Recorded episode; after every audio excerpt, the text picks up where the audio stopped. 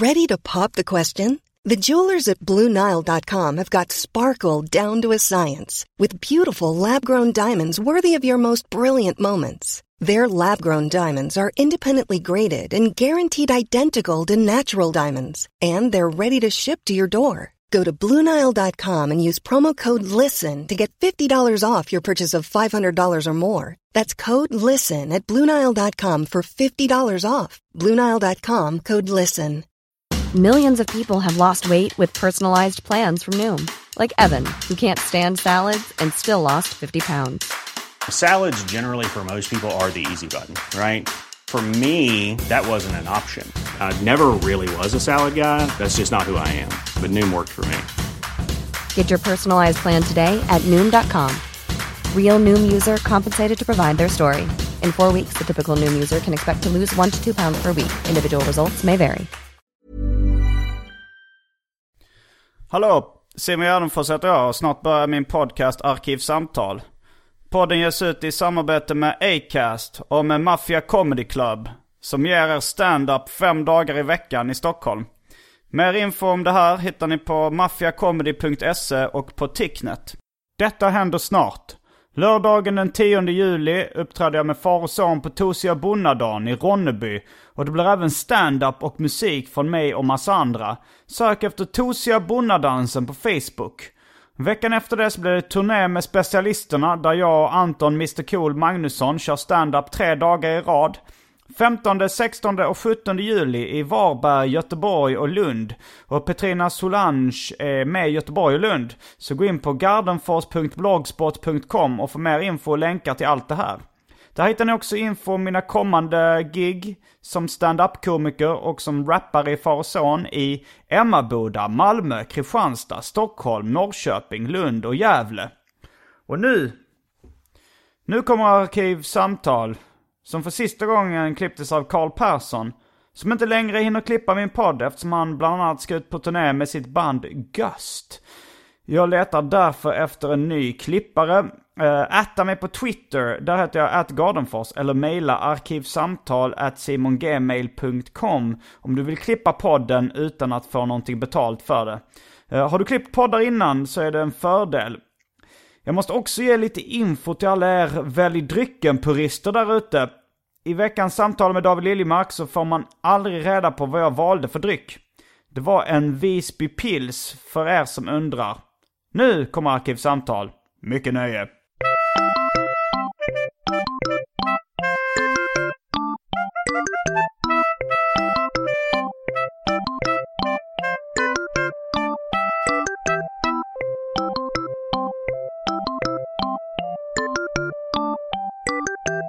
Hej och välkomna till Arkivsamtal. Jag heter Simon Gärdenfors och mitt emot mig sitter David Liljemark. Välkommen hit.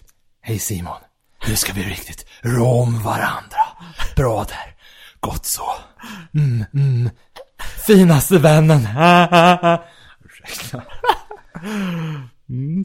Uh, du uh, är här, uh, en återkommande gäst för uh, nytillkomna lyssnare. Som Stan Lee sa, varje serietidning kan vara ett barns första serietidning. Man måste vara noga med presentationerna. Mm. Ja, det är klart. Mm. Stan Lee, ja, bra tänkt. Mm. Bra där. Bra kille har vi alltid sagt. David Liljemark är för övrigt serietecknare och uh, allmän lirare. Som jag sa första gången han var med i ett uh, amatörradioprogram. Radio Ninja, Lund. Var det allmän lirare redan där? Jag tror det var det jag presenterade dig som. Uh, allmän lirare.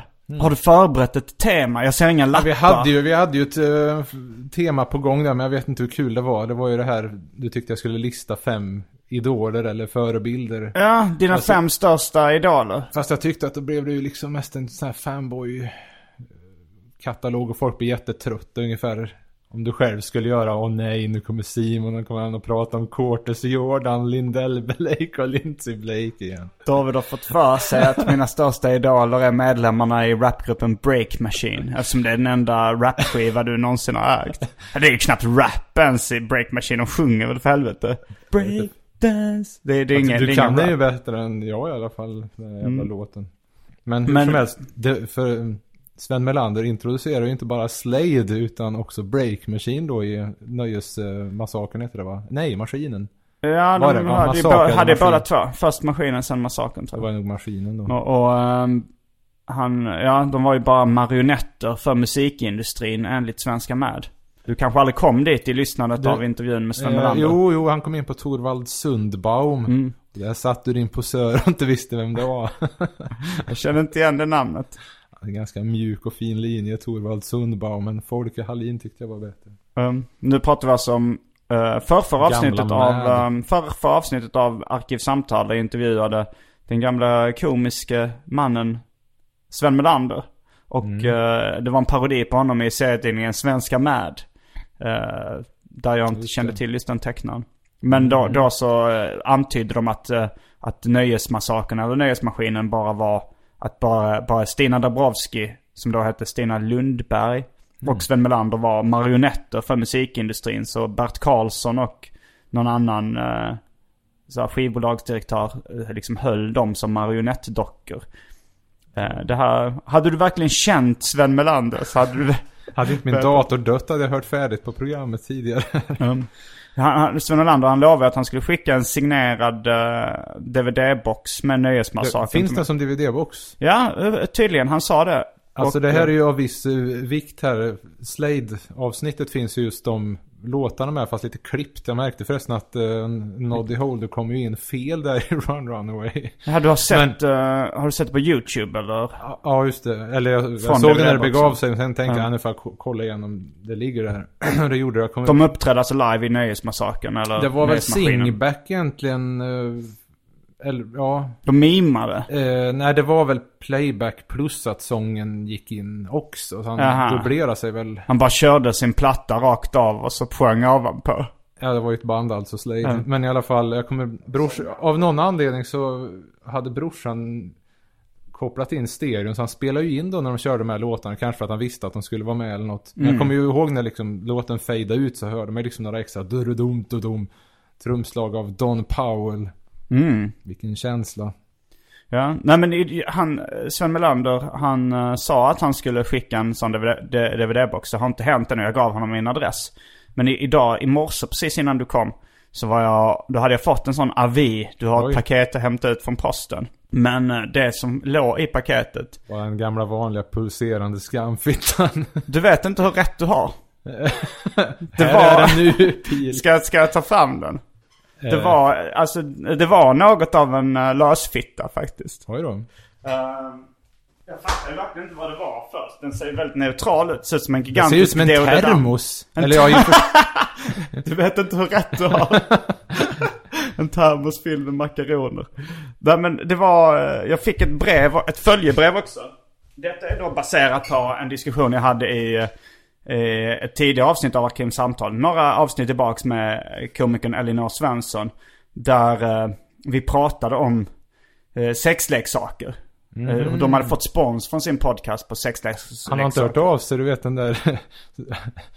den här eh, som behövde ha hjälp med sex som jag tror vi pratade om. Den här hembyggda runkmaskinen som såg ut som någon sorts London Dungeon outtake. Jag tror faktiskt att det här är en hemgjord runkmaskin, det här jag har, jag har i handen just nu.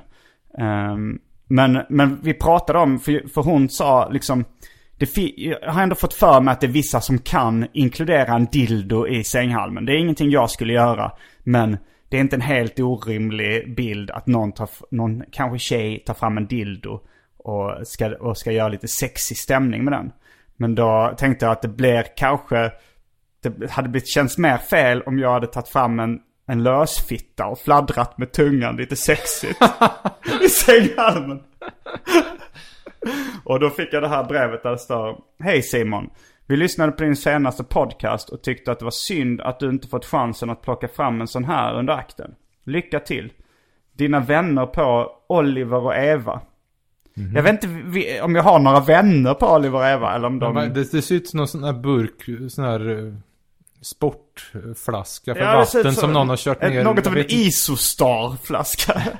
Om du minns dem. Men den heter alltså Vulcan Vibration Ripe Mouth. Inte Rape Mouth, utan Ripe Mouth. Ripe betyder väl då uh, Mogen. mogen, en mogen mun. Eh, men instructions så står det Place the multi-vibration bullet eh, into the love skin hole for higher enjoyment. Jag tror det är, man ska väl säkert knulla den här... eh, det Nej men här- är det inte en slickmaskin? Är det en Som du kan köra upp slickmaskin? lite varstans. Det kanske det är. Okej, det... Ska Och jag se- läsa? Ser ut som den har bandage här, jag vet inte. Ja, jag kan lägga upp en bild på den eh, Ja, det stod i på min blogg. Många fester. Jaha, du har inte tagit av plasten? Nej, jag fick det. Det var precis. Jag fick paketet precis i tron att det var en signerad uh, Nöjesmassakern DVD-box. Så hämtade jag ut den precis innan du kom hit. Så jag har inte, jag har inte öppnat den. mouth. Come into my place, let me see you. Och så vidare. Du får rapportera längre fram. Jag vet inte om jag vill vara med om du ska testa den live i sändning. Med Sven Melander höll jag på att säga. Eh, Hmm. ja, du, jag, jag känner inte att du är den mest sexuellt experimenterande människan på jordklotet. Men vi har väl inte legat med varann? Nej, det har vi inte gjort. Men, men jag tänkte ändå att du hade inte... Nej, men... Det, det, hade, det, det är väl Det ingen var inte det att jag pekade på den där och sa ah, ja, ja, det här känns ju jävligt sugen. Ja, nej, ja. Nej, nej, men jag menar att det, du skulle nog vara den som, gästen som kanske är minst bekväm med att jag testade Rape Mouth framför dig. Ja, det finns ju många syner att välja på. Alla klingar så. Ehm, innan vi kör igång med veckans avsnitt på allvar så att säga. Så har det blivit dags för det, återigen, omåttligt populära inslaget Välj drycken.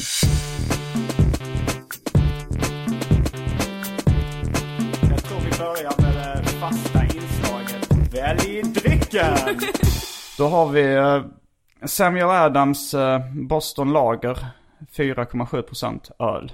Visby Pils 5,0 öl. Pepsi Max, Svensk Drank. Om ni inte vet vad det är så får ni lyssna på de senaste avsnitten. Jag tänker inte eh, förklara det igen. I alla fall kodeinbaserad läsk. Oj, där råkade jag beskriva lite snabbt. Och för tråkmånsar och nejsägare, vatten. Jag tänkte nog hålla mig till det jävla vattnet. Jag, Mm. Det, det, det finns en analys av uh, jag såg den.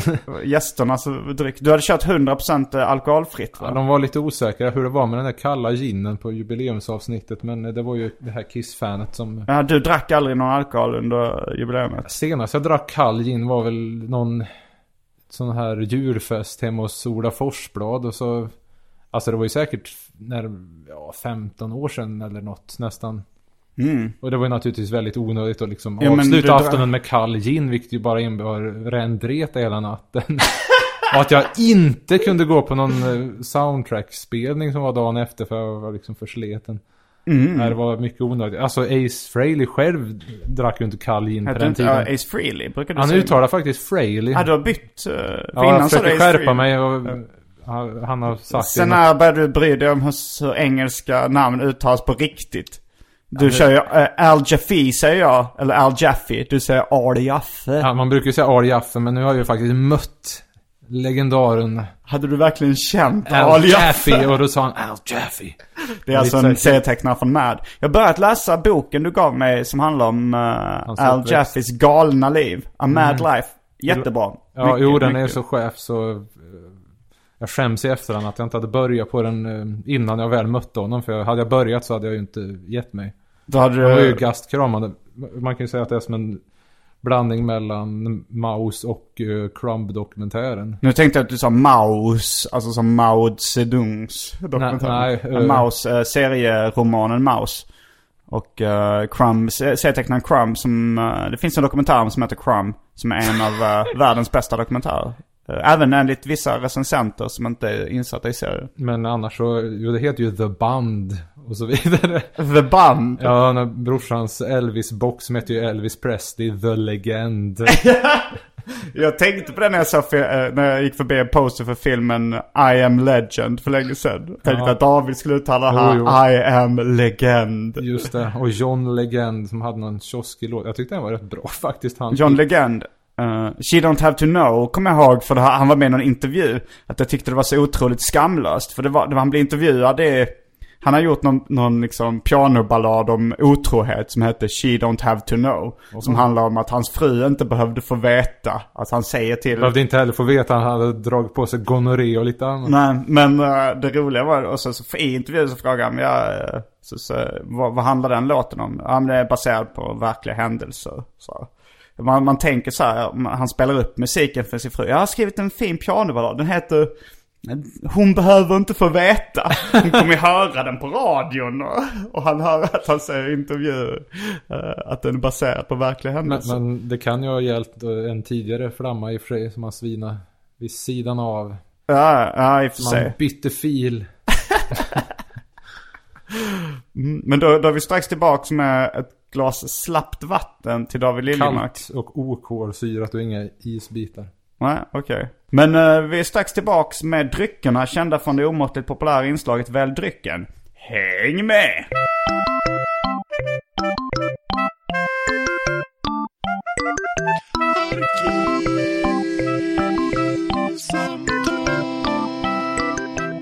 Men nu till, eh, alltså jag, du, du skrev till mig så här, ah, ska vi ha något tema för Ja, podcasten?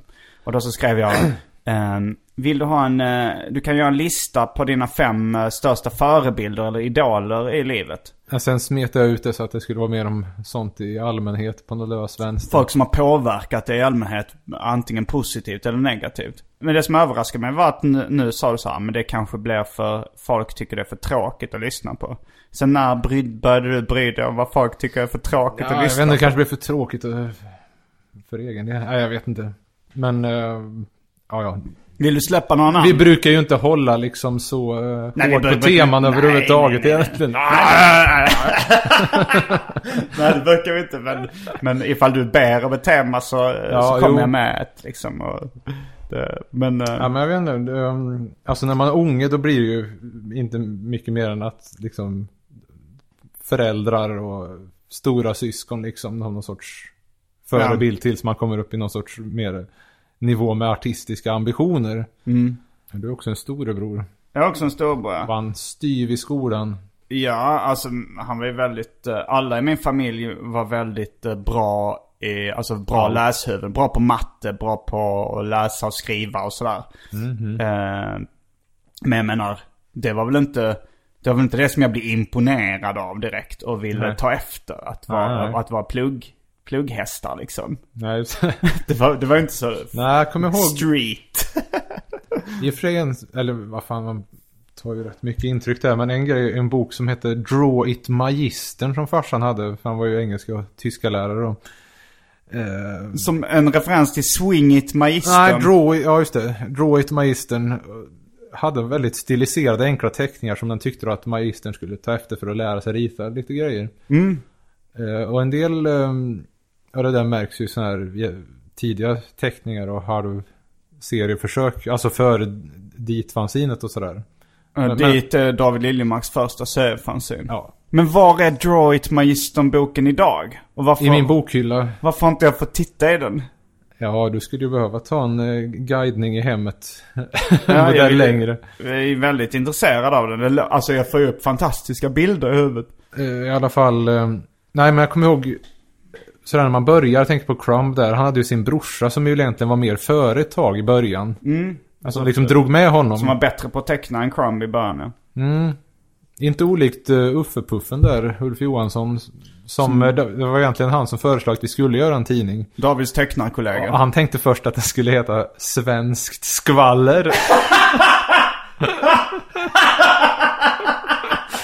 Men i alla fall, sen kom jag på, tyckte jag, satt och ritade och så tyckte jag Det är D.I. ett skitbra namn.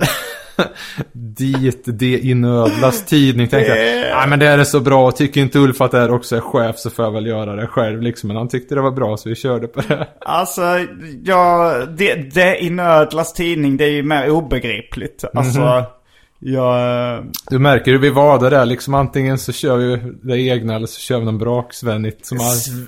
Du måste, kan inte skvaller. neka till att svenskt skvaller är fantastiskt roligt. Jo, det är ju roligt. Amatörtidning. Ja, det är inte för sent. Då skulle du kunna göra det. Ja, Men i alla fall. Eh, I och för sig, vi kommer ju rätt in på olika förebilder här. För Lindingen i början där gjorde ju... Joakim Lindgren, känd svensk serietecknare. Eh, eh, I alla fall någon fisketur och så hade han fått med sig den. För jag undrar om det var så att hans brorsa jobbar på något sånt här ställe som Alltså Mattias Bergad hade fått med sig ett nummer av Elixir. via sin bror som, alltså det var väl något som skulle typ i återvinningen eller returneras eller någonting hade han, han kanske hade köpt den med hedliga pengar också. Eh, Martin. Berge. Men i alla fall han fick den där med sig och vi satt och gar- garvade åt Ingrid Bäckström som var så fet och Vem var rumble. Ingrid Bäckström? Ja, alltså det- var seriefigur i Joakim Lindgrens serie. Ja, han baserar ju den där rätt mycket på sin farsas eh, jobbarkompisar som han Mm. liksom... De kanske hade något drag och så liksom drev han det sin, till sin extrem. Och detta, han var ju en husgud av enorma mått där ett tag. Lindgren. Fast lustigt nog, han skriver ju förord då till debutalbumet. Mm. Men då hade jag egentligen fått liksom upp ögonen för lite andra grejer. För jag kommer ihåg att han skrev i följebrevet där att han, han tyckte Susanna Strykbräda-serien tyckte han var superbra. Men han tyckte Bortbjudna som var liksom vardagsrealism. Den tyckte han var jättetråkig. Men det var ju där jag tyckte att det fanns något att liksom utveckla. Jo, det kommer jag ihåg. Han, han kände väl att han inte riktigt hängde med i de unga serietecknarnas... eh, Det, eh, vad, de, vad vi gillade liksom. För vi, vi blev inne på, du, både du och jag under 90-talet blev väldigt inne på självbiografiska serier och vardagsrealistiska serier. Ja, just det. Och det, om, man, om man är van vid upp, att det ska vara bara vulgära provokationer och humor, som jag också gillade. Eh, och fortfarande gillar.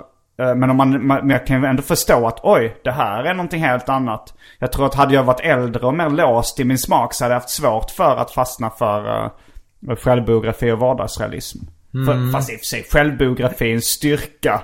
Eh, den magiska kraften i en självbiografisk berättelse, ja, den går nog, jag tror den har haft svårt att värja Alltså- mig för den i vilket fall som helst. Folk har snackat så mycket skit om självbiografi och pratar om att ja, det är så mycket tråkiga serier, det inte händer någonting. Och, nämn en. Det är Liksom. bara idioter Det har bara blivit det. liksom ett talesätt vid det här laget. Eh, Ja, det, det, detta är kanske lite internt i seriebranschen men det finns ju det, finns, det har blivit nästan lite två läger. Eh, folk med god smak som gillar självbiografi och vardagsrealism. Och sen så ett gäng idioter som eh, gillar fantasy och, och science fiction och liknande och tycker, tycker att det, serier ska handla om sånt. Alltså om man kollar bakåt så var ju alltså serieklimatet på den tiden det var ju liksom superhjältar och anker. På 90-talet. Eh, ja, och dessförinnan var det väl lite värre nästan. Mm. Men ehm, då så var ju de här Gunnar Krantz två album, Superangst och 1981, tyckte jag ju var så förbannat bra. Jag Gunnar Krantz är en av uh, förgrundsgestalterna inom svensk vardagsrealism och här, Han, han körde ju någon mer liksom Rolf Gosig fotorealism-stuk på de albumen innan Rolf där. Goos är en väldigt produktiv svensk serietecknare. Det är som att liksom spela datorschack mot Wikipedia. I alla fall. eh, Och de där två albumen tyckte jag var så, så jävla bra. För då hade han lättat upp sin gamla stil. Så att det var liksom fortfarande realism och mer liksom komiskt. Eller mer expressionistiskt. Mer serie. Men du snackar om det. Gunnar Krantz seriealbum eh, 1981 och Superangst eller? Precis. Ja, vilka, vilka påverkar mig otroligt starkt också. Mhm. Som, Eh, för eh, man märkte samtidigt, Pirinen har ju betytt något så förbannat för liksom svenska serier i allmänhet. Mm. Men man märkte att han alltid gick som katten kring het gröt kring när det kom att säga något rakt, rätt, upp och ner ur hjärtat sådär. Det, det var ganska sällsynt att han gjorde så. Det är egentligen ganska sällsynt för egen del också. Inte lika kanske, men jag vet inte. Lite som, ehm, vi kan komma in på bröderna Davis i Kinks.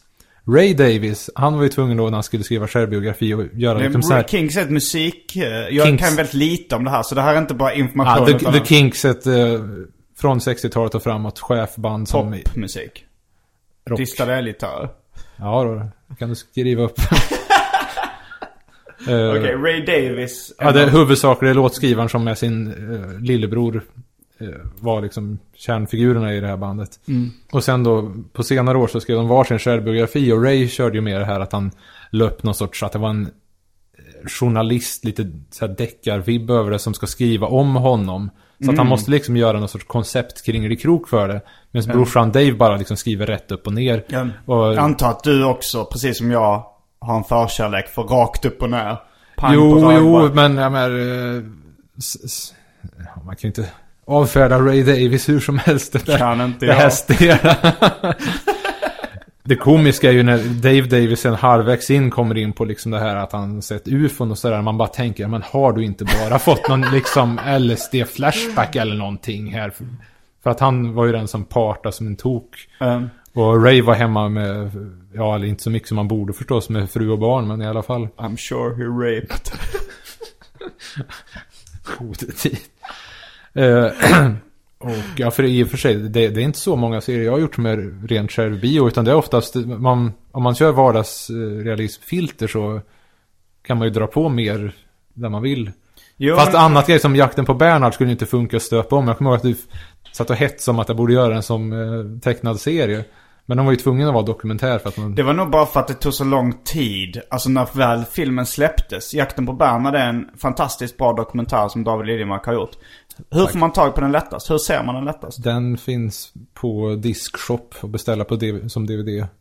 Eller CD-ON, Ginsa, vad fan som helst. Men eh, Det DVDn går, den finns. finns inte digitalt någonstans. Alltså du kan inte se den på Eh, Netflix eller, något, eller på uh, Folkets YouTube. Bio har väl egentligen tänkt eh, att de ska ja, göra så att det går för liksom de Mm. unga kidsen. Men det får bli en sån rare som ni, ni kids eh, måste beställa som fysiskt exemplar. Jo, jo, det tycker jag. Men den är Om man eh, söker på Vimeo kan ni ju se om ni hittar något. Men det, det är ju ehm, ett av de bättre svenska konstverken i modern tid.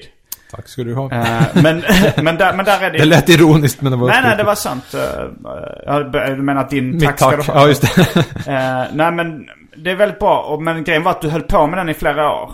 hade jag tecknat hade jag inte varit färdig än alltså. Nej, men jag, jag tänkte så här, men om, du har ju så bra stories kring det. Så jag tänkte så här, du var, innan du var klar med filmen, jag tänkte det här kommer aldrig bli klar.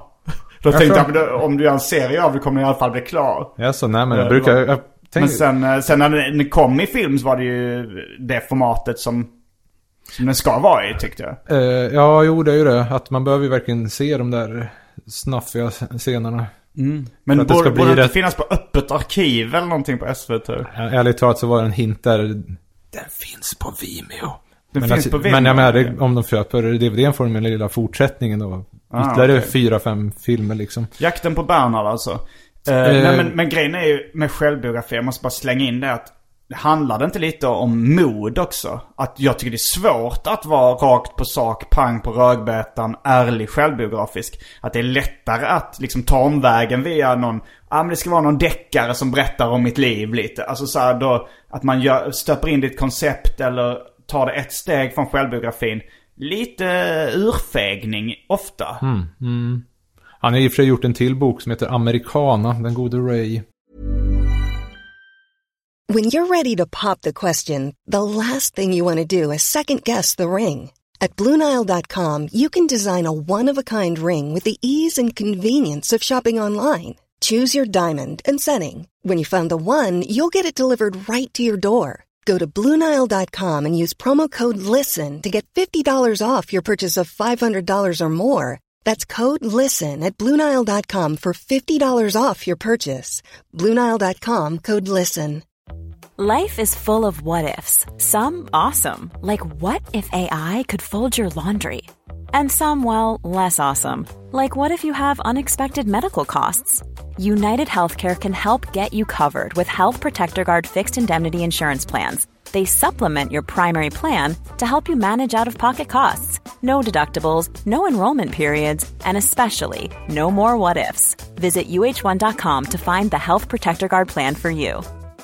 Quality sleep is essential. That's why the Sleep Number Smart Bed is designed for your ever evolving sleep needs. Need a bed that's firmer or softer on either side? Helps you sleep at a comfortable temperature? Sleep Number Smart Beds let you individualize your comfort so you sleep better together. JD Power ranks Sleep Number number 1 in customer satisfaction with mattresses purchased in-store. And now, save 50% on the Sleep Number limited edition Smart Bed for a limited time. For JD Power 2023 award information, visit jdpower.com/awards. Only at a Sleep Number store or sleepnumber.com. En grej som jag tänkt på med både serier och eh, den dokumentären var att eh, för att den ska gå i tv så skulle det vara 58 minuter. Och jag blev jävligt svettig när jag tänkte på hur ska man få in allt det där på den korta tiden. För att det fick ju på inga vil- villkor bli sellout. Men Någon liksom... Du också har inställningen urval lika med tortyr. Ja, jo. Men i alla fall, det var ju att... Eh, jag, jag är asnöjd med den alltså. Mm. Det enda som stör mig är att det är tre textningsfel på DVD. Men det rättades när jag gick i repris senast. Har vi snackat om den här fonden? Ja, det har vi gjort. Eh, att eh, då fick man ju liksom ta med det mest väsentliga och se till att, eh, ja, få med allting. Och en annan grej var att alla lappar skulle vara med på något sätt som jag hade då. Det handlar om en man som skriver väldigt mycket lappar. om, om du kort ska beskriva bara i några meningar vad filmen handlar om.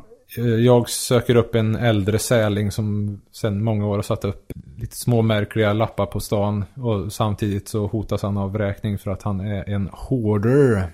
Och serier, det är ju att det är så segt att rita och man får ju inte plats med hur mycket som helst i en ruta om man nu liksom vill hålla någon nivå. Inte bara en ruta med text som jag tycker är skitfult. Om det nu inte bara är liksom Chris Ware som skriver and eller so.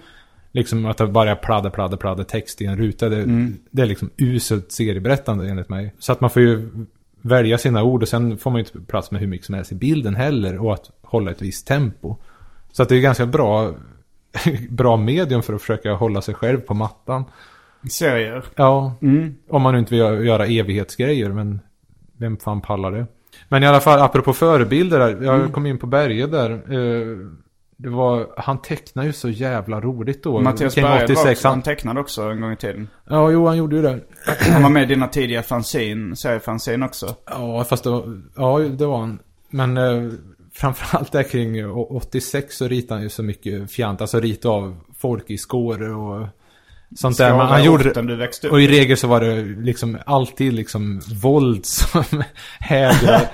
och han hade sån jävla känsla i det. Jag tänkte, ah, fan jag ska bli lika bra som Berghed på rita.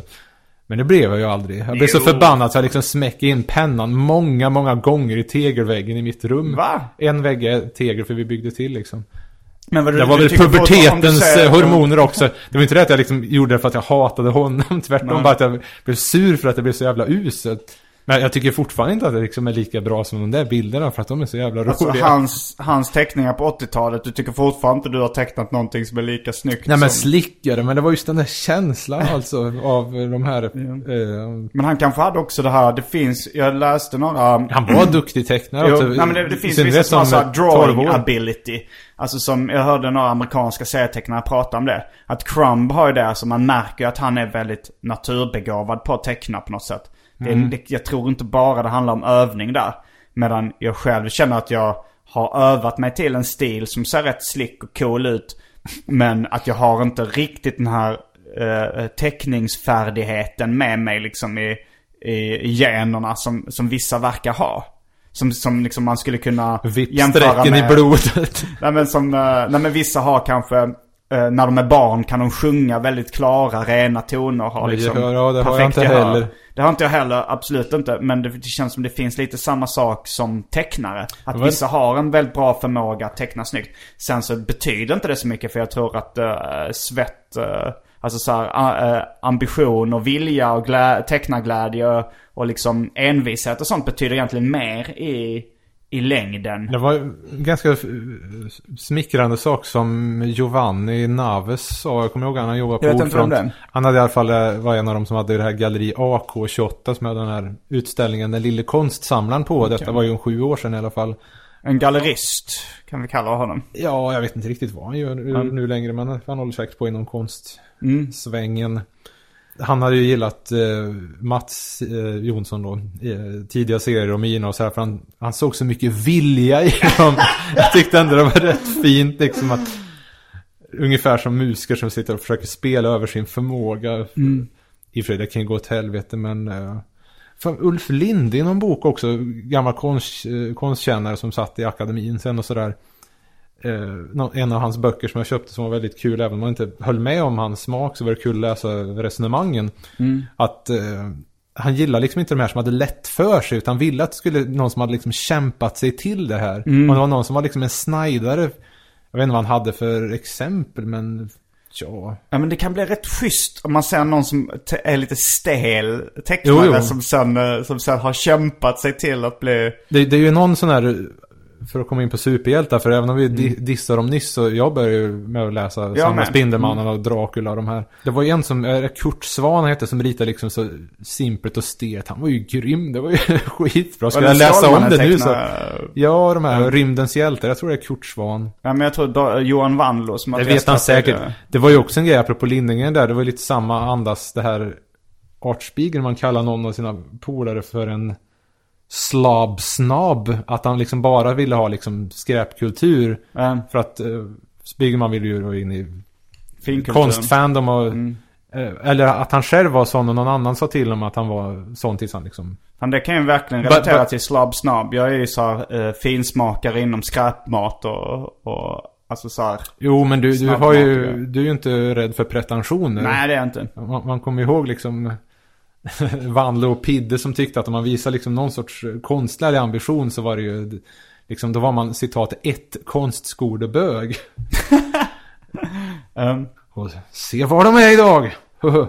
Eh, vad menar du? Pidde och Van, Johan Wanlo Nej men de har ju, de har ju sin inriktning. Mm. Men eh, det är inte precis så att eh, det är konstkramar utan Men, ja de har väl hållit lite den inställningen. Jo, jo. Eh, Men, men eh, jo, men jag gillar också den här stela, alltså eh, Captain Marvel, Shazam, alltså CC Ja, Beck, den tecknaren. Det är otroligt stelt på sina ställen och så jävla gött. jo, jo. Alltså jag älskar verkligen den. Men, men, men vad jag tänkte på var också, jag läste en bok om uh, stand-up comedy. Som heter, jag tror den hette The Zen of stand-up comedy. Som var jag trodde du åsyftade den heliga skrift med massa vitsar av Stellan Sundahl. och mer. Nej men just den boken, där, där stod den intressant. För den författaren till den boken, han skrev så att det fanns liksom, när han växte upp så fanns det vissa komiker som hade den här, som var naturligt roliga. Och han själv, han var inte naturligt ro, rolig utan han fick liksom anstränga sig och, och krysta fram skämt. Och anstränga sig för att skriva skämt. Eh, och sen så skrev han då att, men han är glad att han inte var naturligt rolig. Och där tänkte man så här, ah nu börjar det lukta uh, lögn. Efterhandskonstruktion. Ja, självbedrägeri. Men sen när han förklarade så, så tyckte han det lät logiskt. För då var det så att de i hans bekantskapskrets som var naturligt roliga, de behövde inte anstränga sig för att skriva skämt. Utan liksom de tänkte så här, men det kommer, det kommer naturligt. Så det, och det kom lite då och då skämt från deras sida. Medan han liksom fick lära sig att Kämpa. kämpa, och att utvecklas hela tiden. Och till slut så gick han om sina naturligt roliga vänner. För att han liksom, han var tvungen att skaffa den här kämpaandan och glöden liksom. Vilket de aldrig behövde göra. Och det kan jag nog ändå... Ja, det är där tyckte det- jag det började låta logiskt efter ett Jo, tag. jo, det blir ju... Man har suget och, och fortsätta liksom. Mm, jo, Men, man, eh, man, om eller man har förresten- suget och talangen kanske de som kommer längst. Som just eh, Robert Crumb som vi nämnde tidigare. Mm. Han, han verkar ju aldrig tröttna på att teckna och han... Eller Mark Beijer, då är det ju att bara, det är ju egentligen nästan idel begränsningar som gör att han är så chef. Jag tänkte på Jag Mark inte Bayer vilja när jag se- tecknade innan. Det kan ni googla. Alltså han, där, där, ser man verkligen någon som inte riktigt kan teckna men, men anstränger sig. Det blir så stelt och så snyggt i slut och så Ja, ja det, det går ju inte att överträffa Mark Beijer, jag vet inte vad... Det, det är liksom som en helig urkund på något sätt. vad, vad skulle kunna vara mer chef? Men vad tänkte jag på? um, Det var någonstans i en båt med berged och en serietidning. Alltså, nej då, det, nej det var inte, det regnade så mycket så att vi var inte så mycket ute och fisk utan vi var, satt mest in och Mm. garvade oss fördärvade åt den där. Men de har mest pratat om uh, serietecknare som förebilder. Eh, kanske då inte, jag vet inte om Ray Davis och de var, uh, Jo. var med i, i Eller- förebildslistan. Pete Quaife som spelar bas i Kinks uh, lär ha tecknat någon serie. Men Mm. jag har den inte. Vad säger du om Boots Randolph? Boots Randolph, han var King of the Hill. Det är alltså en saxofonist som är känd för signaturmelodin till Benny Hill. Uh, Jacket i sax.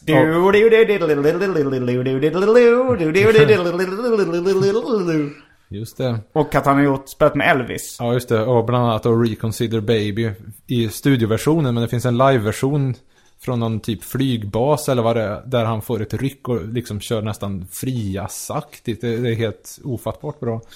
Det är något solo av Bruce Randolph. Du skickar den YouTube-länken till mig. Vad ska man söka på på YouTube om man vill hitta den? Jag tyckte ändå det var väldigt Baby rimligt. och live eller någonting. Det var- det var Army inte kanske någonting få in. Den var inte så flippig som jag trodde den skulle vara. Men den Nej. växte ändå på mig. Jag lyssnade på den en fyra, fem gånger Ja, på man, om man jämför med studioversionen så tar han ju över liksom.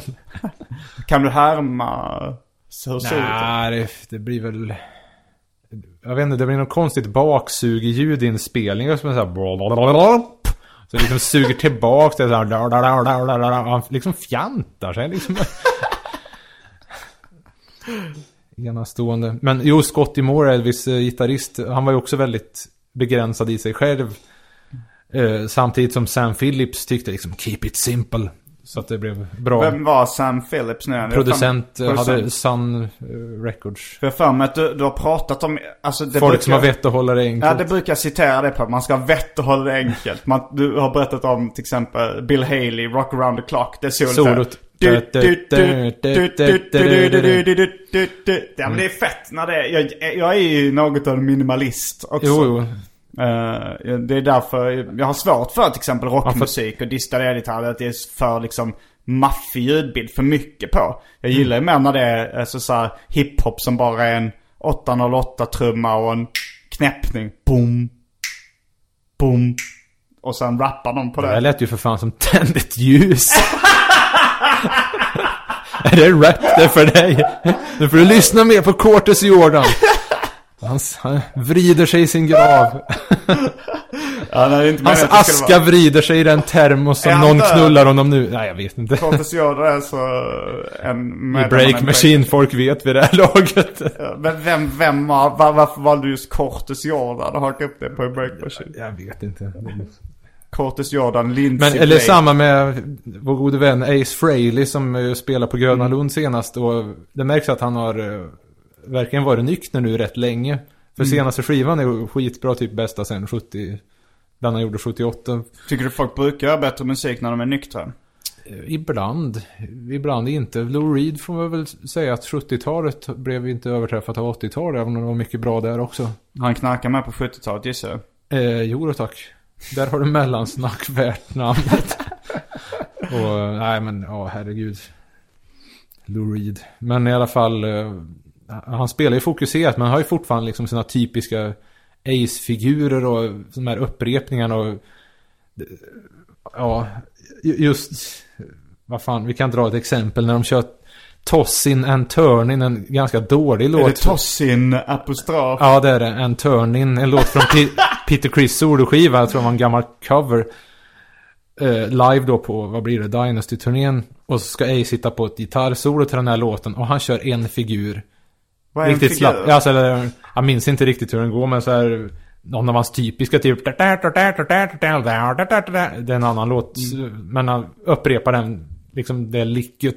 Hela tiden. Liksom så jävla slappt, men det är så bra. Eller vad fan, man kan söka upp uh, Scotty Moore solo när de kör Maybelline, en Chuck Berry-låt live. Och så går den så här.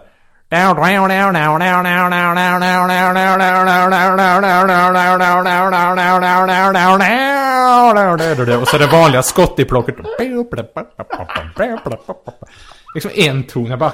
Jag var ju redan ett fan av skott i mål, men... Ja... Det, det är ju gött när man är fan av någon och så liksom blir det bara ännu mer. Ungefär som jag var fan av Bernhard. Genom hans lappar tills jag träffade honom och liksom det var bara toppen på isberg. Men eh, nej, just det, annat. eh, För att inte glömma det bara, i förebildsväg så måste man ju nämna Fitus. Som ju var husgud av enorma mått för mig på... Musiker. Ja, all konstnär. Det var... Allmän lirare. Han var liksom, han var fyndig, han var, framförallt lät det ju bra ett jävla drag liksom. Och Men jo, jag har klyftiga inte hört så texter. mycket på Fetus. Men jag fan, men han, alltså, han brukar väl eh, anses vara något av en JVVF-artist. Jag vill vara farlig som en subkultur ni kan googla. Ehm, I, I någon mån, eh, kanske. han är inte Eller så vad fan, eh, han var ju... Folk började tjata om mig hemma och de här grishuvudena på pålar. Vad fan, det gjorde ju Fitus flera år innan. Vad är det, vad är det mest JVVF-iga eh, Fetus har Ja, gjort? det var, det var när han var med i sån här, eh, någon eh, film av Richard Kern. Vilken var det? För jag menar, nu, nu, Richard Kern, då är det ju JVVF. eh, Jag vet inte vem det är men, filmskapare som är oerhört JVVF. Det att vi behöver veta. okej. Lydia Lunch blir fistad av Henry Rollins i någon film tror jag. Men uh, Fitus är med och visar pillen i en annan. För han var ihop med Lydia då. Var Fetus ihop med Lydia? Eh, ja, just det. Men jo, sen så att han hela tiden ändrar sina namn då. Att han hette liksom Fetus under glass. You've got fetus on your breath. Fetus betyder foster då. Ja, Men- scraping fetus off the wheel och sånt där. Och han liksom hade en viss estetik på sina omslag och... Var det han själv som tecknade eller Ja, designade? eller gjorde collagen. så det var liksom en helhetsgrej och... Men vad var det mest JVVF-iga han gjorde sa du? Det var ju inte det, poängen. Ja, det var att han var väl var med i... Ja, Richard Kern-filmer. Mm. Men gjorde han något spexigt i Nej, han visar egentligen inte så mycket mer att han visar pennan. Han visar penis. Eh, Ja. Ja, Men jag menar, det är du som säljer in honom som JVVF-artist. Jag bara ser honom på som att han är liksom någon sorts kombination av... eh, Ja, jag vet allt som är bra. Eller något. Men eh, nästa stora wow-grej för mig var ju när Fredrik Jonsson, som fortfarande inte har dykt upp i Arkivsamtal, Men kommer, upp Burbeto kommer. Magus. För, för jag hade ju spelat saxofon innan mer som ett måste. Fredrik Jonsson är vår gamla förläggare. Gammal och gammal. Men uh, Vår gamla förläggare. Eller ja, turist ja, han gav ut eh, den, flygande värmlänningen DFV2 på Lystring bara för... en skiva som David just har sedan. släppt. Och Simon är med på. I viss mån. I viss mån. Mm. Vad gör jag på skivan? Du säger eh, med rösten av en tidigare gäst här.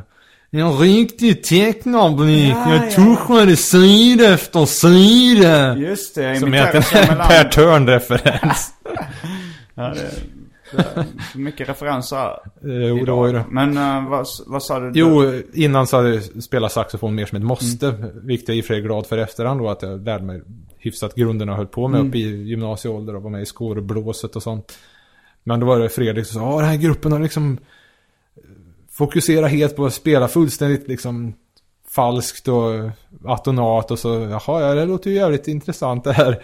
Så smäckade han på liksom bara det här Burbeto-soundet, Ni kan också snuff jazz. upp på, eh, på YouTube om ni vill höra hur Roberto Magos låter. Mm, ja det är mycket viktigt. S- Googla snuff Fullständigt. jazz. Snuff Jazz, ja. Det var del två var han spelade in också en uh, lite lugnare singel som heter The Original Chirping Chicken. Men snabbt, alltså tänkte jag, jaha, de biter i röret. Två saxofonister och en på gitarr. Och, men de har ju lyckats variera sin ljudbild väldigt mycket egentligen sen sent 70-tal när de började. Mm. Och, Det är alltså noise-musik som låter...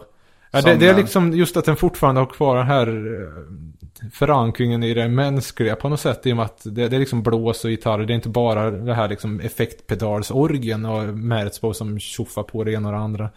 Mats eller ett annat noiseband. Ja, utan... Som du, men gillar du inte Mats på?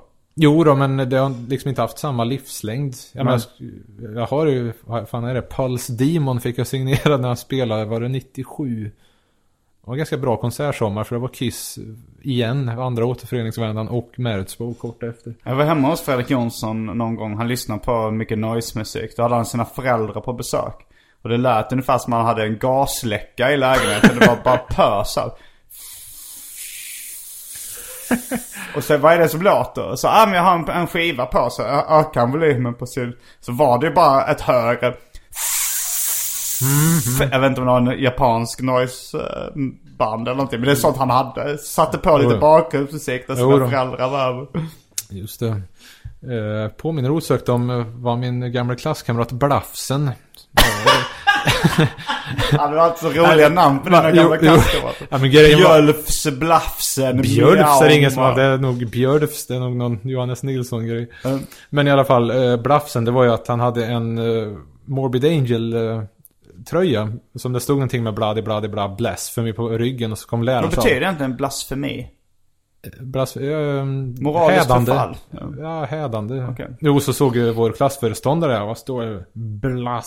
Blasfem eller någonting. Han Tyckte jag, "Jaha, fick han heta Blafsen sen. Men i alla fall. på Han, grund av det fick han heta Blafsen. Eh, jo. Stefan Sundholm heter han. I alla fall, eh, han berättade att när han lyssnade på eh, låten, eller skivan Black Metal med Venom, så inleds den med något, ja, vad fan är det egentligen? Låter ungefär som en slip eller någonting som, ja, hans farsa kom in och tyckte, vad fan är det några rör som läcker? Blev förbannad.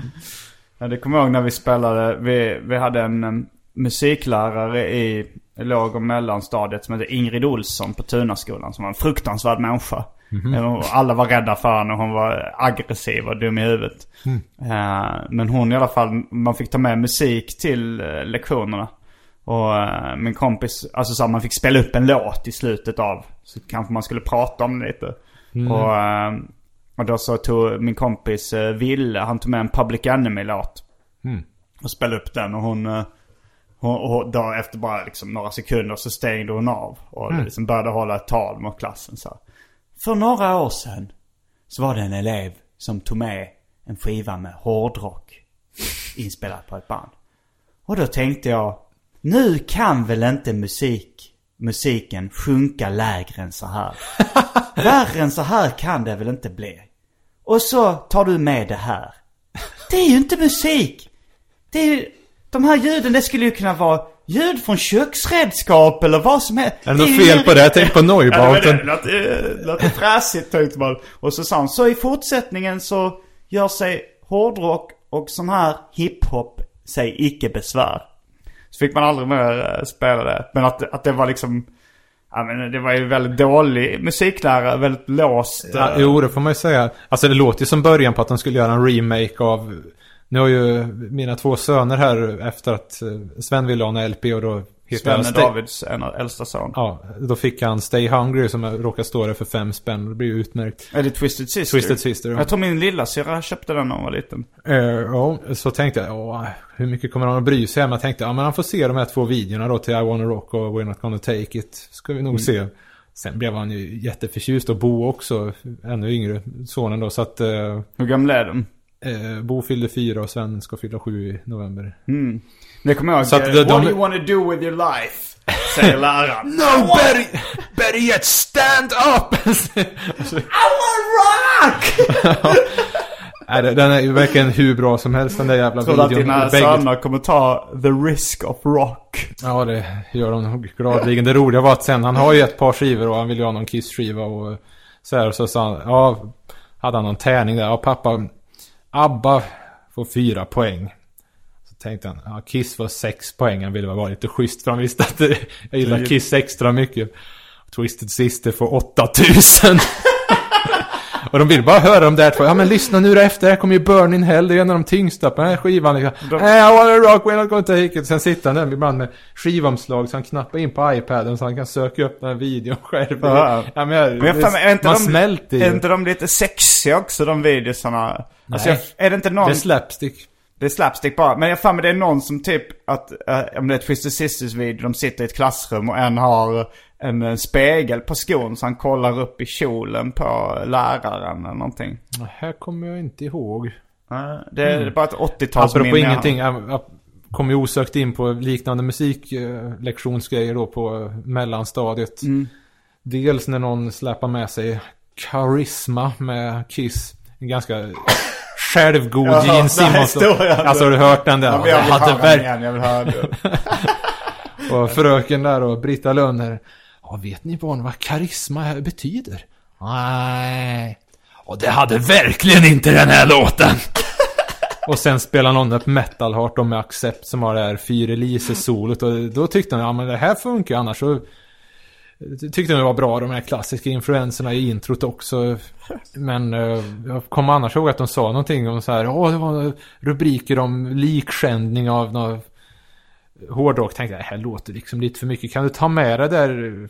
Jag vill liksom se var har du det här som, men hon kom aldrig med den där artikeln. Men själv så spelar jag bland annat upp en Helix-låt, Dirty Dog.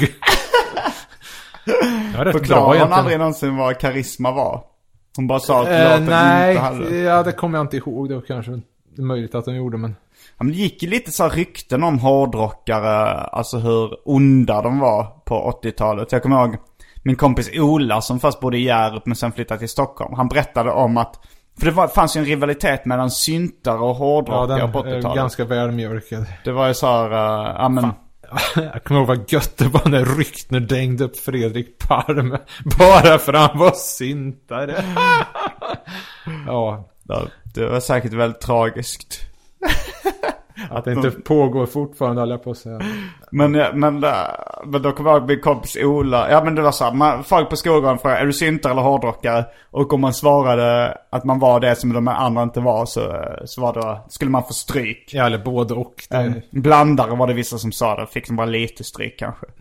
Eh, men eh, min, min kompis Ola han sa i alla fall att i Danmark, där, eh, där är danska hårdrockare, de tar, tar nötknäppare och liksom knäcker testiklarna på syntare.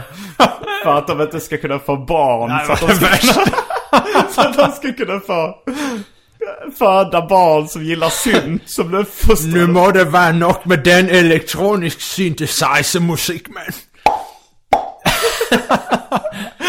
det kan ju vara en spin-off från den här Balls to the Wall-låten med Accepto som eh, var mitt andra riktiga favoritband som ju har de här ljuden som man tänkte att det är någon som kramar om pungen tills det knakar. Och vi var ju synta då, hela jag, min brorsa och Ola, när vi var små. Så när vi, fan, vi var, han hade flyttat till Stockholm sen och fick en syntdialekt. Eller en Stockholmsdialekt då. Syntdialekt, det var ganska Freudian slip. Ja, men då sa han och sånt när vi var, ja, när vi skulle till Danmark. Så, ja, akta kulorna du. Ja. ja, jag var faktiskt lite rädd för att danska hårdrockare skulle komma fram med nötknäpparen. Gud. Ja, det var en bättre, annars är det en skojig historia om att Gene Simmons skulle ha förlängt sin tunga med en kotunga. Jag minns att han, men han gjorde någonting med tungan, opererade om den till en ormtunga typ. Att den är delad i två eller? Eller något rykte var att han skulle ha skurit av någon sorts senor där nere. Han har inte gjort ett skit med den egentligen. han bara sträcker ut den långt. Ja, jag vet inte, morsan kan Nu, nu slicka sig en på bild, eller finns det en nästippen. tecknad bild där den är kluven som en ormtunga? Eh, Ja, det gör det nog. Okej, men det var nog det Du som kanske jag... tänker på eh, Rock'n'Roll Over-omslaget till Ja, det är det nog. Men då, då är det nog så att det var någon som drog det där gamla ryktet att han skurit av någon, någon sena eller någonting så att han skaffade längre tunga. Men att jag tänkte då att han skurit sig i tungan så att den blev kluven som Mm. Jaha. en ormtunga på riktigt. Han som gjorde omslaget till Rock'n'Roll Over förresten, vad är han heter? Mark Ribot. Men en snygg teckning tycker jag de... Ja, jag det Otroligt bra. Han gjorde ett senare omslag också, men det var ju inte alls lika till Sonic Boom. Det var ju inte i, i närheten alltså. Men eh, det, det är nog det, som vuxen skulle jag säga att det är det snyggaste omslaget. Med Mm. Sonic Kiss. Boom, eller? Som liten så föredrog man ju Destroyer. En del ut? tycker Love Gun är bättre, men det är inte alls lika bra. Hur ser Destroyer Det är de omslaget som hoppar upp från någon liksom sorts eh, ödelandskap. Är den tecknad också? Tecknad, ja. Av eh, Ken Kelly som sedermera tecknade så jävla mycket Manowar-omslag att Kiss liksom inte tyckte att de kunde använda honom igen. Vad heter han som tecknat alla ACDC-omslagen? tecknat alla ACDC Jag kan blanda ihop det med något annat hårdrocksband som har någon figur som de eh, alltid... Nej, det var inte ACDC. Det, Nej. det, jag kommer ihåg när... Tänker du på Halloween kanske? Med Nej. pumpa-figuren. Nej, jag tänker på... um, jag, jag åkte alltid in, när jag bodde i Hjärup. Ja, så vänta nu. Ja, ja, nu. Maiden. Eddie. Maiden, ja. Derek Ja. Riggs. Vad heter han? Derek Riggs. Derek Riggs. Han har tecknat nästan alla. Det blev någon biff. Penga-issue skulle jag tro. Mm. Nej men det, det fanns sådana posters i, på typ Åhléns och sånt. Jag, jag bodde i Hjärup då så vi brukade cykla in till Lund. Tog en halvtimme.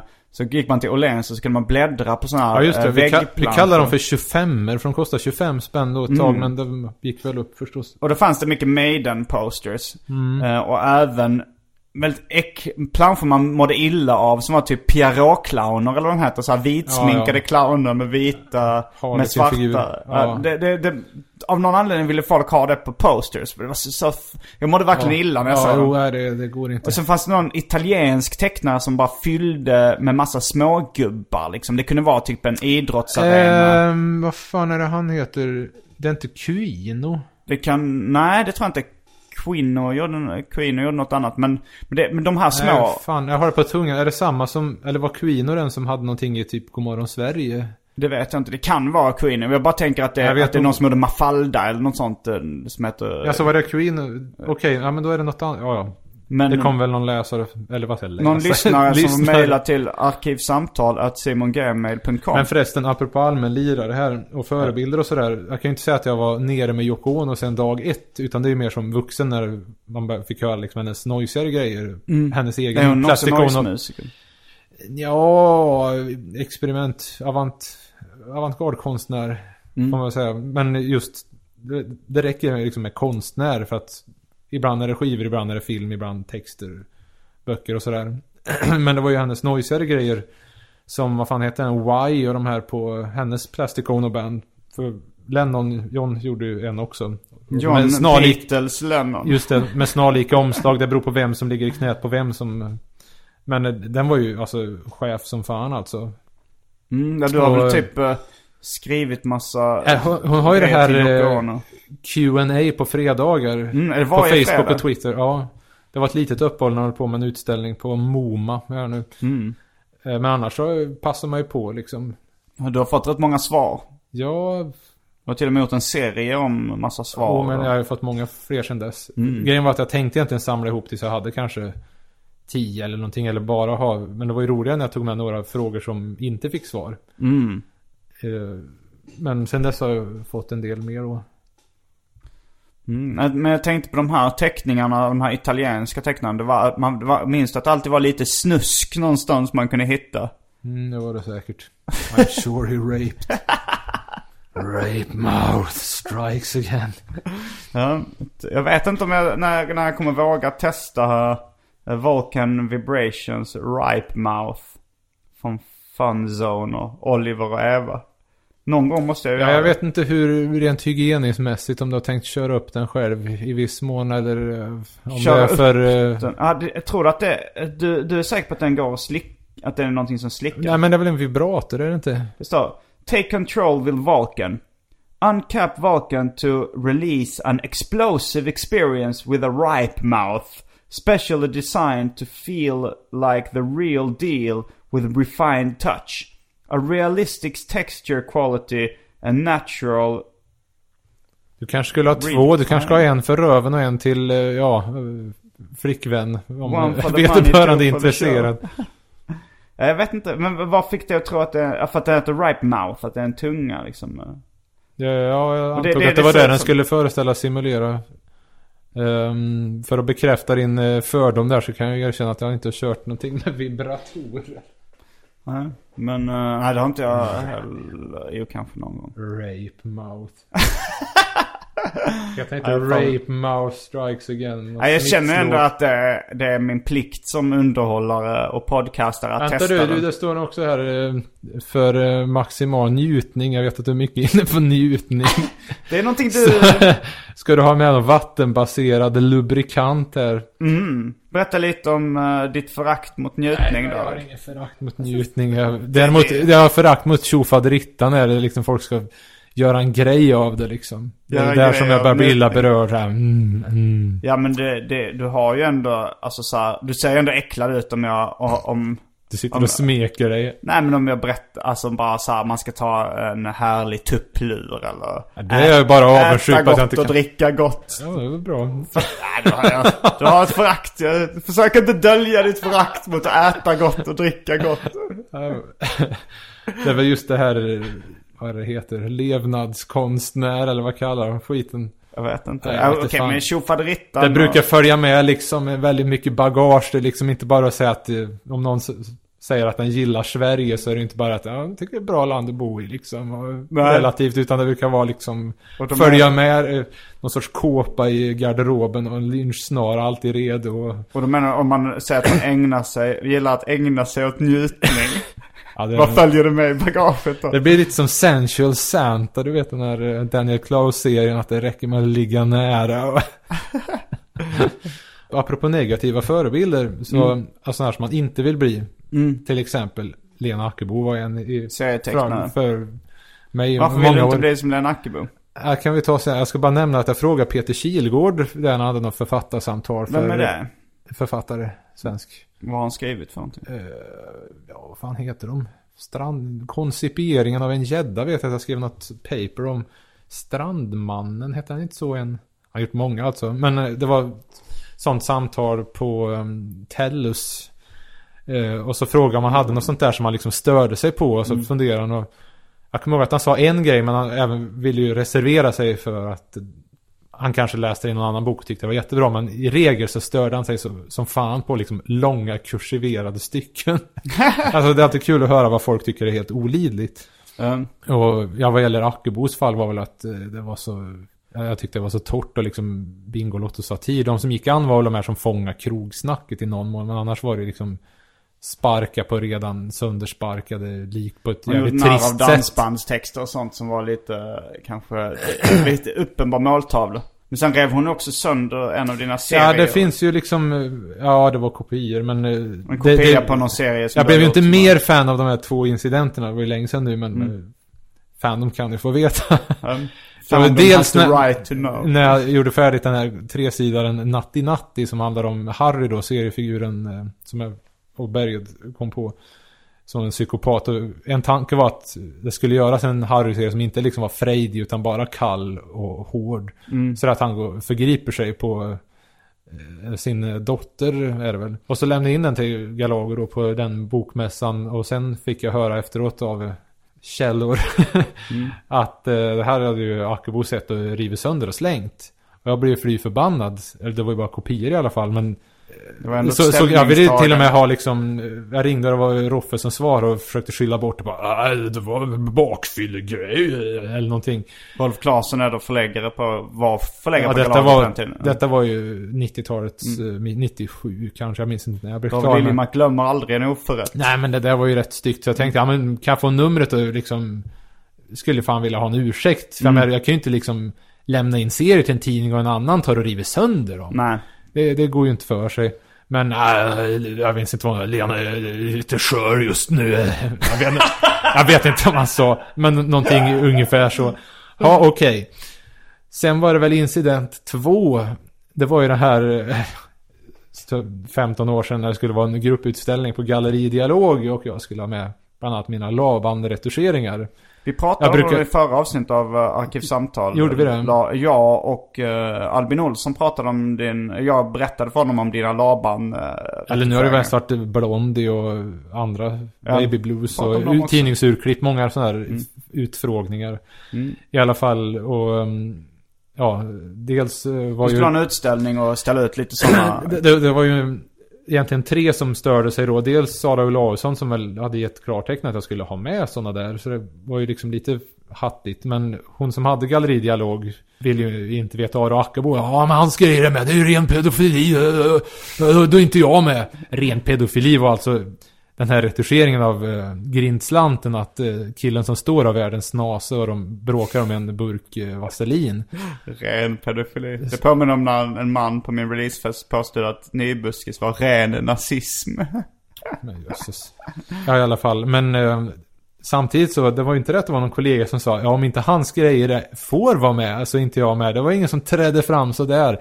Förutom eh, Kristina Kolemainen som tyckte att eh, Ja, om inte David får ställa ut där får han ställa ut själv hos oss på serieteket. Så fick jag en Baut-utställning där så jag menar Kolemainen. Mm, nej, Hon är det- saknad. Jag vet inte om, om alla andra henne. tecknarna blir informerade om det här. Nej, nej, det är inte det.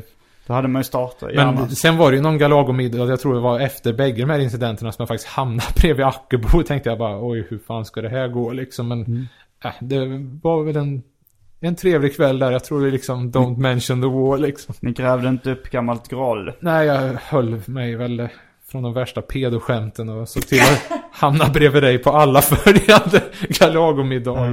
Nej, Jag har väldigt svårt att eh, respektera folk eller ens acceptera. Överhuvudtaget. Nej men folk som inte, som tycker att man inte får skämta om pedofili eller, eller kvinnovåld eller vad som helst. Det beror Alltså, på så- hur man gör det liksom.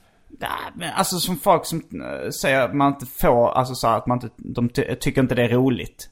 Alltså, Ja, det är väl en sak man inte tycker är roligt men inte få är ju en annan ja, nej, jag, jag, har, jag har ingen respekt för folk som inte tycker det är roligt heller. Men liksom vadå, om, vad heter han, Kalle Strokirk som är liksom så här total antifeminist. eh, kör, jag, jag, garvar inte åt hans grejer liksom. Nej det behöver man inte göra. Jag tycker men- bara det är Men, sunkigt. men, eh, men det är på samma sätt som om, om, om någon skulle säga så här.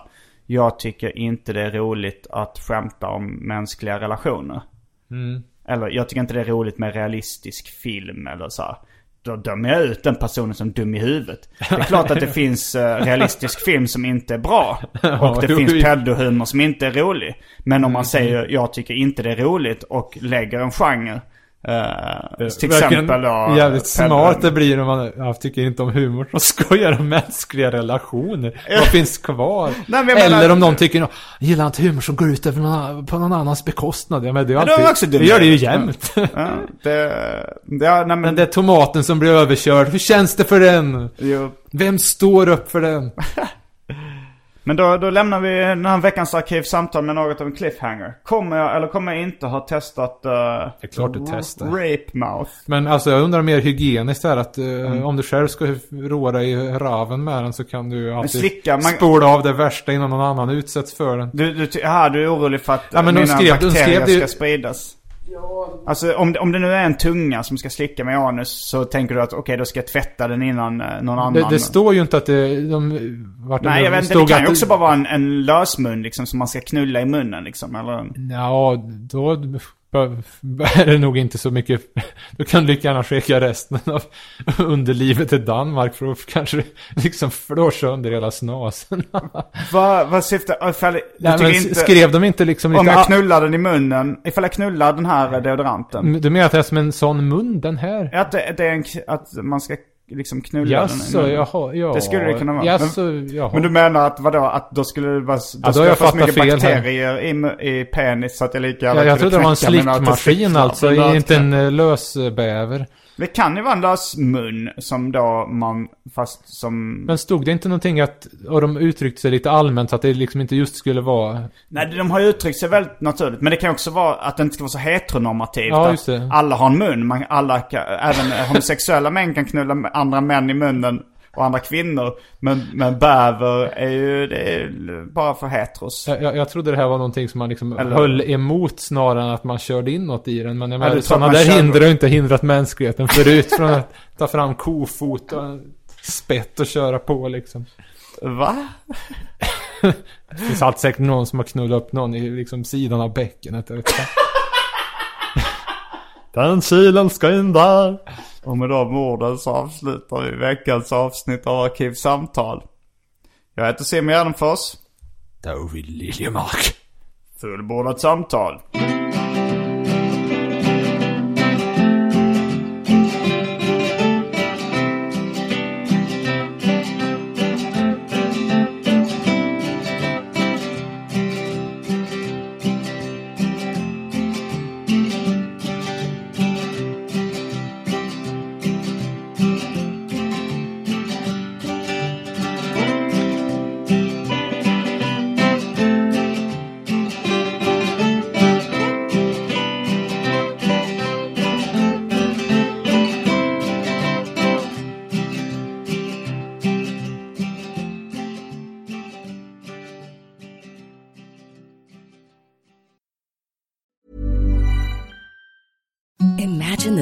Softest sheets you've ever felt. Now imagine them getting even softer over time. That's what you'll feel with Bowl and Branch's organic cotton sheets. In a recent customer survey, 96% replied that Bowl and Branch sheets get softer with every wash. Start getting your best night's sleep in these sheets that get softer and softer for years to come. Try their sheets with a 30-night guarantee. Plus, get 15% off your first order at bowlandbranch.com. Code BUTTERY.